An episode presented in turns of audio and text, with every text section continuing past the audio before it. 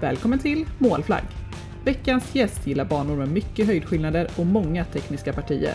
Han har tagit sig från södra Sverige till södra Europa och resan har bara börjat.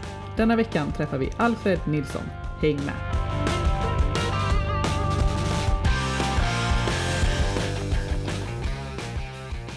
Välkommen till Målflagg, Alfred Nilsson. Tusen, tusen tack. Vem är du och vad sysslar du med för sport? Mitt namn är Alfred Nilsson. Jag är 19 år från, eh, från Tomelilla i Skåne eh, och eh, håller på med motorsport. Kör racing för, för landslaget och numera även för BMW Team Italia i italienska GT-mästerskapen. Ehm, sidan om det så pluggar jag ehm, och, och, det är väl väldigt kort vad jag gör, ehm, gör till vardags. Men du, det går ganska bra i Italien ändå va? Absolut, det går superbra.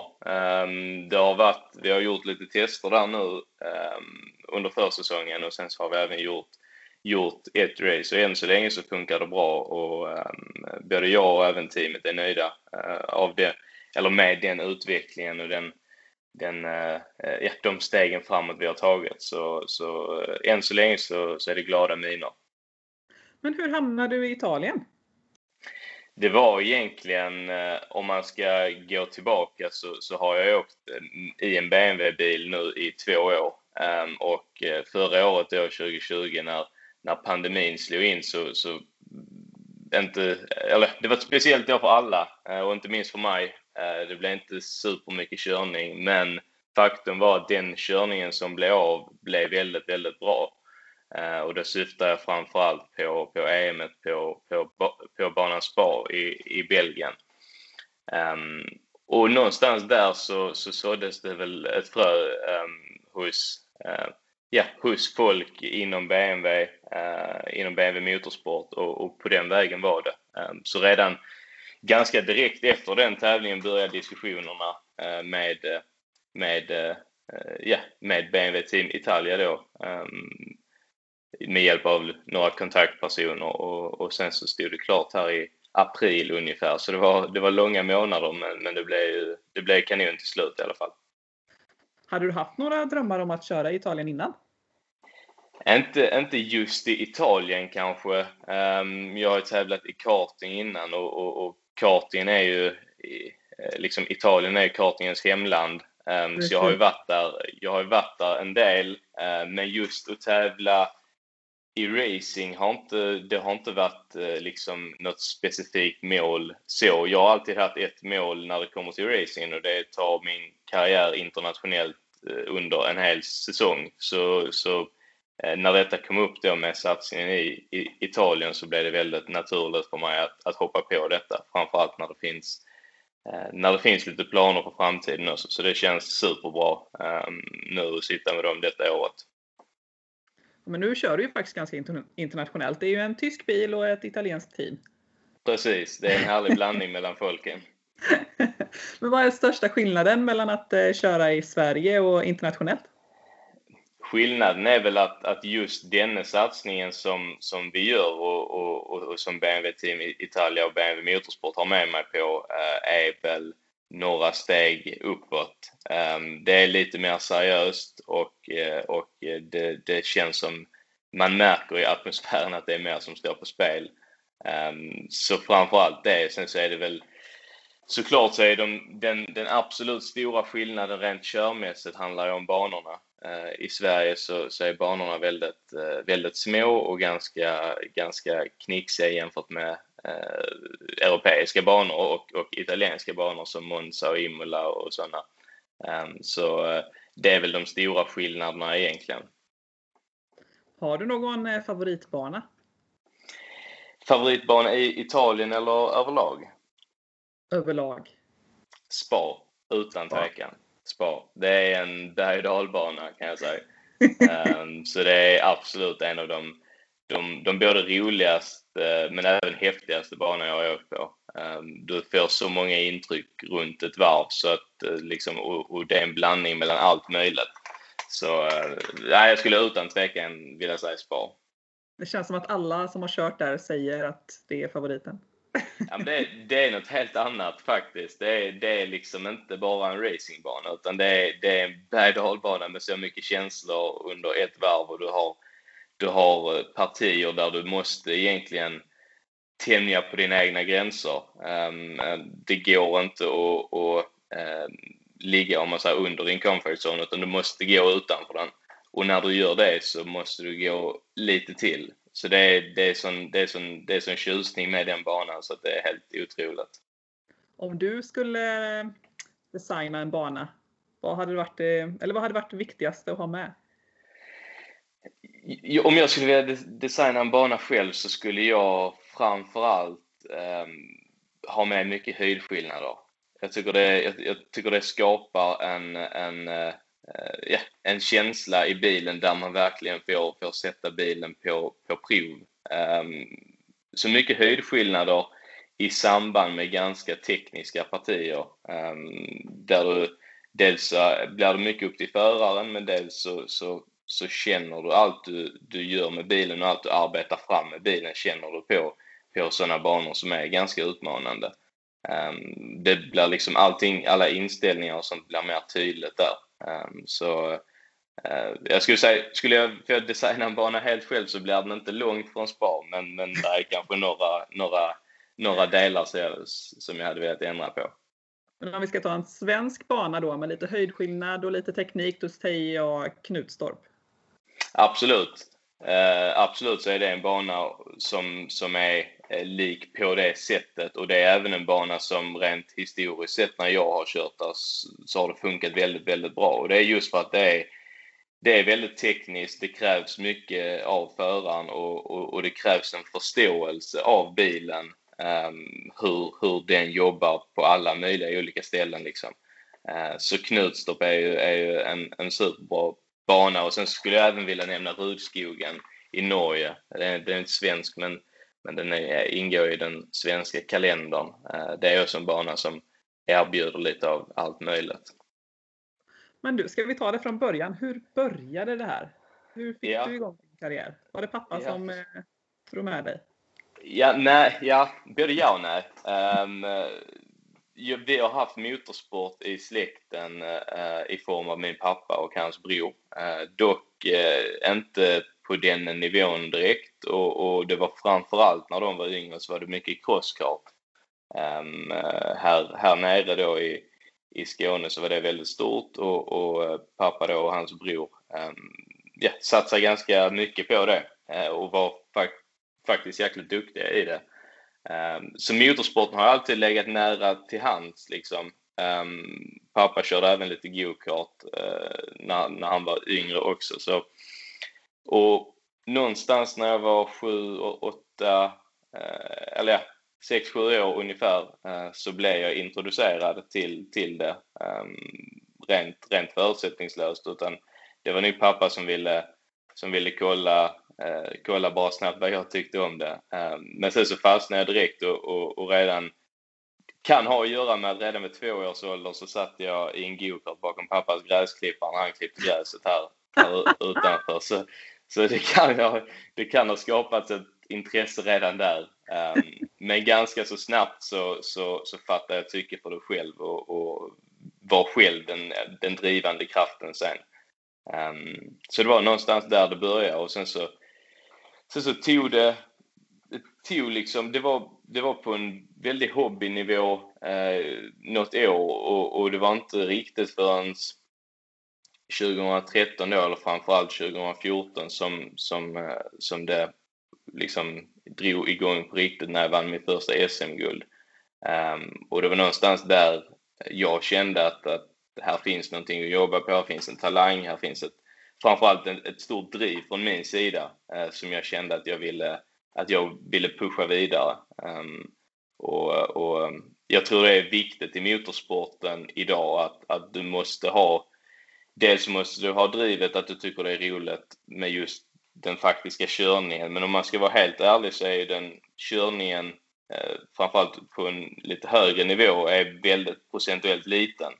Um, så det är viktigt att ha driv i allt, allt det andra också med arbetet kring partners och sponsorer och liknande. Ja, det är faktiskt väldigt intressant för ju högre upp man kommer, ju mindre körning blir det. Precis, det är så.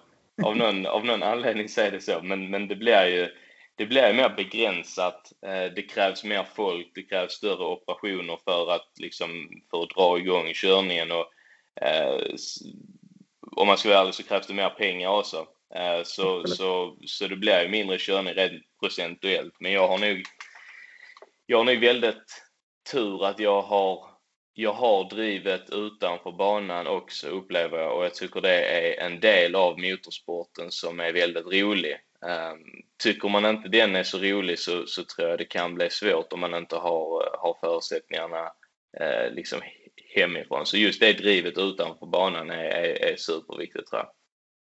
Men du vann ditt första SM 2014. Då var du 12-13 år? Uh, ja, 13. Ja. Vad hade du för drömmar då? Formel 1 som alla.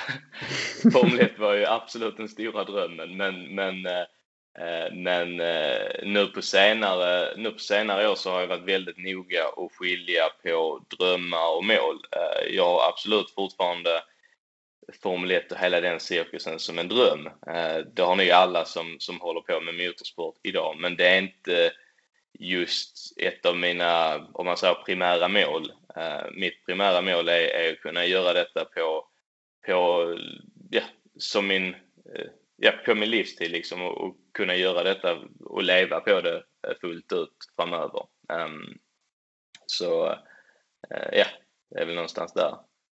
Men hur var det att gå från eh, karting till eh, formelbil? Mm, precis, jag gick från karting till formelbil eh, första året i formelbil 2018 eh, tillsammans med West Coast Racing här hemma i Formel STCC Nordic. Eh, och det är, det är speciellt. Eh, det är en fruktansvärt stor omställning ehm, och, och, och, det är väldigt, väldigt mycket intryck som ska tas in. Ehm, du har en, en form av körstil liksom i ryggmärgen och du ska helt plötsligt ganska så snabbt switcha om till en annan. Um, och, och, och, det ska på något sätt vara naturligt direkt från början, vilket, vilket det faktiskt gick väldigt fort för mig att komma in i det. Um, så även fast det var en stor omställning så tror jag att med hjälp av förberedelser och, och eh, ja, att jag har gjort läxan hemma så, så gick det ganska så snabbt. Uh, men absolut så var det speciellt och Eh, det, det, tar ju tid att komma in, framförallt om man kollar på den stora skillnaden när det kommer till bromsningar och hur du hanterar viktfördelningen. Eh, det tar ju lite tid att komma in i det men, men eh, ehm, just Formel, Formel STCC Nordic tror jag är en väldigt bra klass för att just ta steget därför att det är bilar som, som när du väl lär dig köra dem så, så har du ganska mycket kunskap kring hur en racingbil funkar med allt möjligt. Eh, så, så det var ett bra år och, och jag lärde mig väldigt, väldigt mycket som jag har nytta av idag. När du väl hade lärt dig att köra den, då var det dags för nya utmaningar?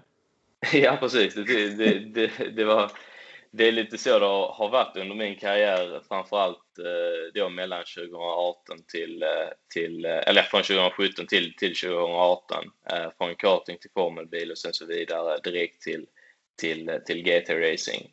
Um, så redan 2019 så, så sadlade jag om och hoppade in i en BMW M4 GT4-bil ehm, och, och har nu åkt eh, den i, eh, ja, fram till idag då kommer fortsätta åka just den bilen um, eller liknande bil i, under årets mästerskap.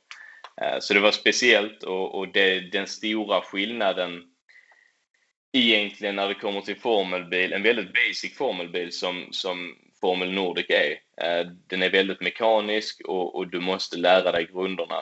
Ehm, så grunderna hade man redan från där eh, och de grunderna är väldigt användbara i all form av racing, eh, inte minst i GT-racing. Den stora skillnaden var kanske att det blir så stor viktskillnad. Du har så mycket mer vikt att köra rundor med som förflyttas inbromsningar och, och, och svängar liksom. Um, men uh, absolut så var det en större omställning att gå från karting till formelbil än formelbil till, till GT-racing. Spännande. Men du, du kom ju faktiskt med i landslaget eh, i karting redan 2015. Mm, precis. precis. Och du är med i landslaget fortfarande? Ja, jag, jag hänger i fortfarande. uh, och det är, det, är ett, det är ett otroligt förtroende och någonting som jag är väldigt, väldigt glad över. Um, allt, allt landslaget och, och, och svensk bilsport gör, gör för hela sporten och även mig. Uh, att, att de har förtroende för mig och, och väljer att, och fortsätta. Um, det är någonting som jag är väldigt tacksam över till dem um, och tacksam över till alla jag jobbar med att jag har möjligheten att, att hänga kvar. Precis. Och sen så fick du även ett eh, stipendium ganska tidigt i eh, karriären där. Precis, precis. Det har varit några stipendium under åren. Ehm, all, allt från eh, ja, lite alla möjliga i, i, i, olika. Jag tror stipendium för en racingförare är något av det finaste du kan få. Uh, framförallt när det kommer till, till, eh, till stipendium som har varit, varit om man säger, involverade i branschen länge och de, de håller en väldigt fin historia. Um, så förutom pengarna så är det väldigt ärofullt att, bli tilldelad. Du var ju faktiskt den första bilidrottare som fick eh, elitidrottsstipendiet. Precis, precis. Det är inte illa. Nej, det, det är superskoj. Men vad, vad får man för fördelar då, förutom pengar med, med ett sånt här stipendium? Alltså när det kommer till sådana stipendier så är det ju så, så nu, nu är det ju ungefär egentligen samma upplägg som, som vi har när det kommer till landslaget. Landslaget erbjuder mycket just utanför när man sitter i bilen. Om man tänker sig en, förare som, som, eh, som parametrar så, så för att prestera på topp så måste alla parametrar vara på topp och det är allt från just den faktiska körningen till till, eh, till men, den mentala biten, den fysiska biten. Att du har liksom all koll på allting, att du har förberedelserna rätt och, och det är så många faktorer som spelar in. Eh, och det är egentligen sånt man får hjälp med eh, liksom, eh, när det kommer till landslaget och stipendier och allting. Eh, just att kunna eh, få utveckla de andra parametrarna som är så viktiga och som jag upplever att många underskattar. Eh, men, men, men huvudet skulle jag säga är, är, är något av det viktigaste i racingen eh, och ha koll på vad som händer i huvudet. För det är många intryck en, under en tävlingshelg som man behöver processa. Men du, hur är det att dra runt en hel sån här cirkus då? För du, du pluggar, du kör, du pendlar då till Italien nu. Mm, precis. Eh, Vi, och du ska jaga samarbetspartners och allting. Ja, är det något?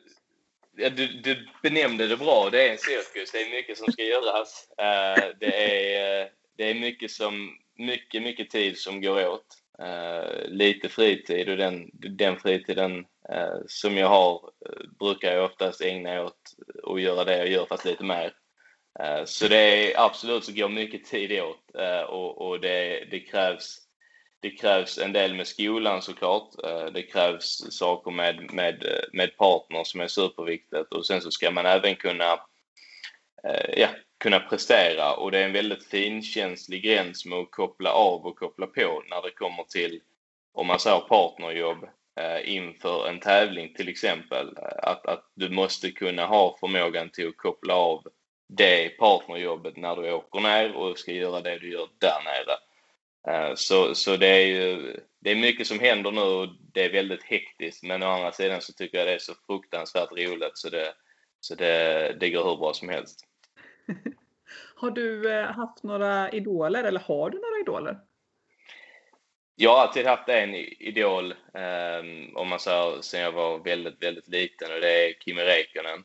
Uh, sen, så, sen så är jag inte jag skulle absolut inte säga att jag är själv som han, jag är nog raka motsatsen, men jag tycker fortfarande att, att han är väldigt, väldigt cool och att, att han, att han, eh, ja, eh, att han är en enormt duktig förare ehm, och har egentligen haft han som idol under hela min karriär. Eh, så jag måste säga, jag måste säga Kimi på den. Vad är din speciella egenskap på banan?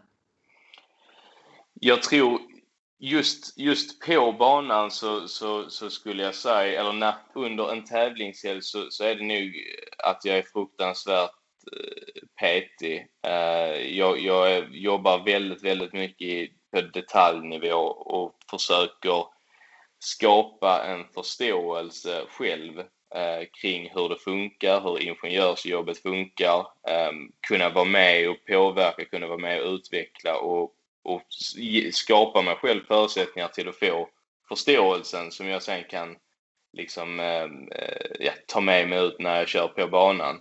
Um, för, och sen så nu rent körmässigt så för fem år sedan så, så, så, skulle jag säga att det var min racecraft under, alltså min fart under, under ett race. Ehm, men nu skulle jag vilja ha ändrat det till, till, eh, till kval, kvalfart. Eh, det är någonting som jag har jobbat väldigt hårt på egentligen eh, under hela min karriär och, och någonting som har blivit väldigt bra nu. Um, så, så det är väl de egenskaper som jag anser att jag um, bemästrar mest. Sen så finns det mycket som jag kan bli mycket bättre på också. Det är en, det är en evig strävan efter att bli bättre på alla möjliga olika saker. Liksom. Är det någon egenskap som du känner att det här, det var Kimmy bra på, eller är Kimmy bra på? Ja, det är ju, ja, ja, precis. Ja, jag, så, så noga brukar jag nog inte jämföra mig. Uh, men, men sen så när det kommer till Kimmy så, så, så, så, tycker jag att han är, han är väldigt, väldigt duktig på att prestera under en väldigt hög press. Um, och det är någonting som många, många inom motorsporten behöver dras med att prestera när det är uh, som mest pressat läge. Uh, för när det är som mest pressat läge, det är då du måste prestera där, för det är då ögonen är på dig. Liksom. Eh, kan man göra det så, så, så kan man ta sig väldigt, väldigt långt. Förra veckans avsnitt så äh, hade vi med en samtalscoach. Mm, mm. En mental coach. Mm. Äh, och vad var det han sa? Var det 80% som sitter i huvudet och resten i liksom, kroppen? Stämmer.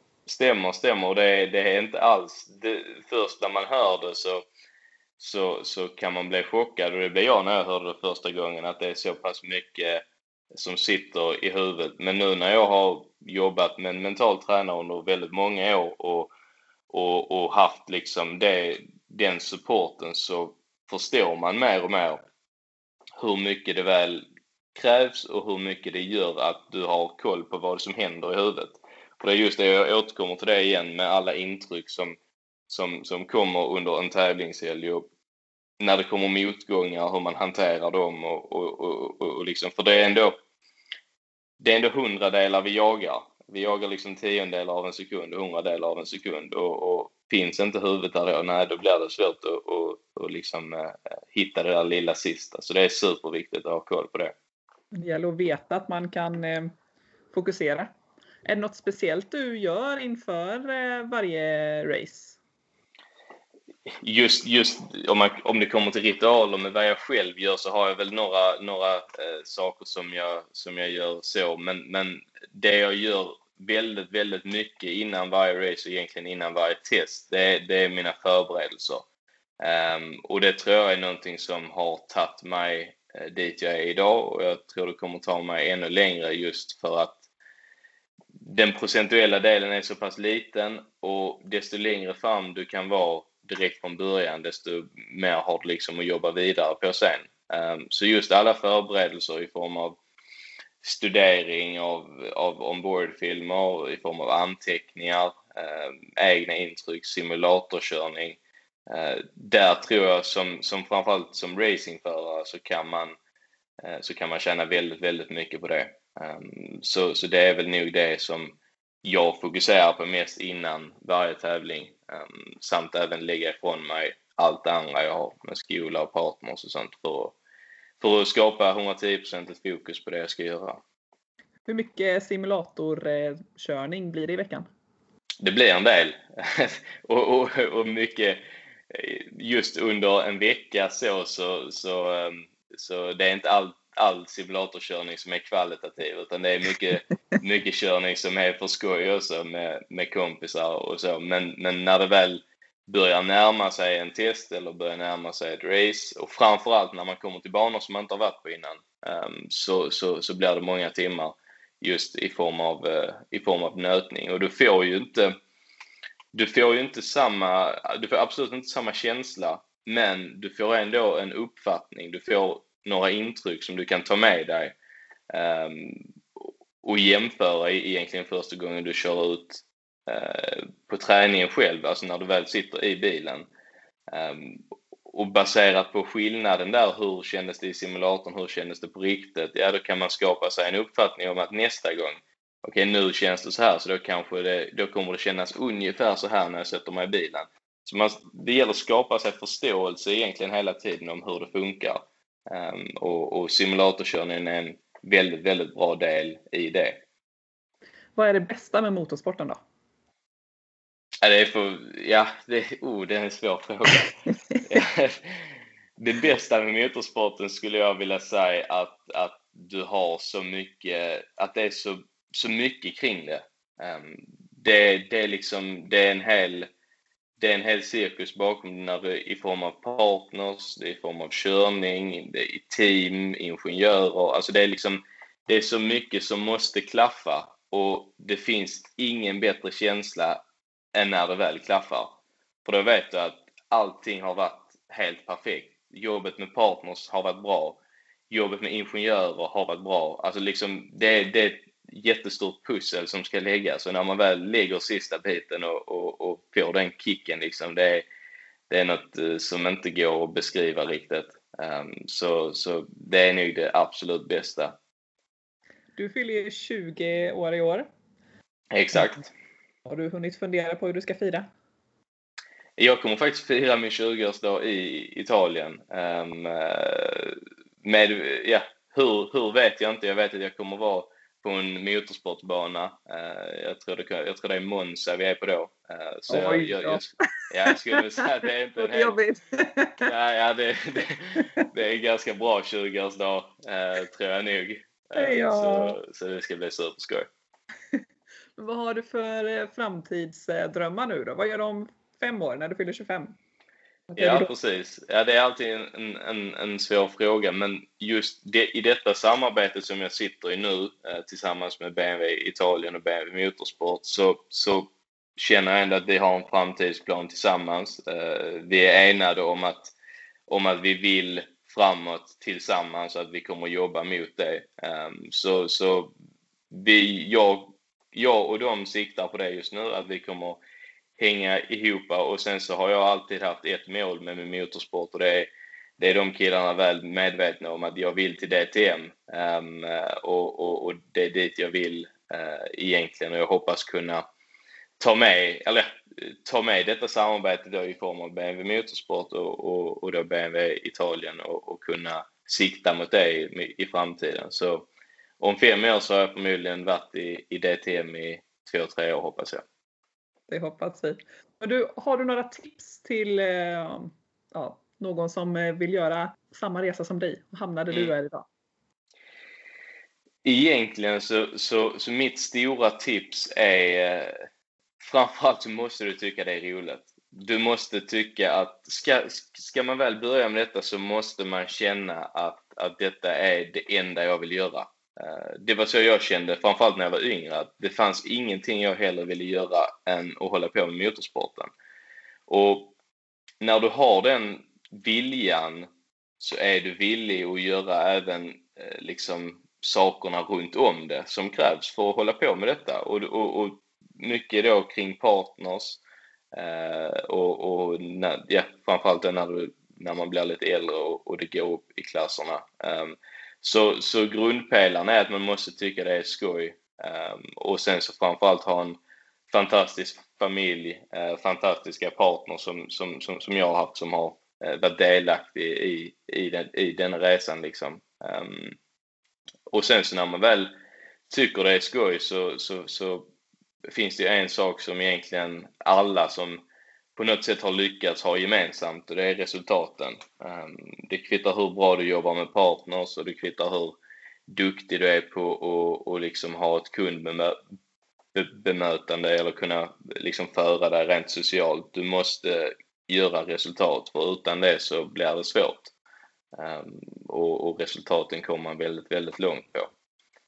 Ehm, så det är väl någonstans där. Man måste tycka det är skoj framför allt. Tack så jättemycket för denna intervju. Tusen tack. Du vet väl om att vi har släppt fler än 20 avsnitt hittills och fler kommer det bli? Har du någon person eller sport som du vill höra mer om? Skicka oss gärna ett meddelande via våra sociala medier. Tack för att just du har lyssnat på Målflagg!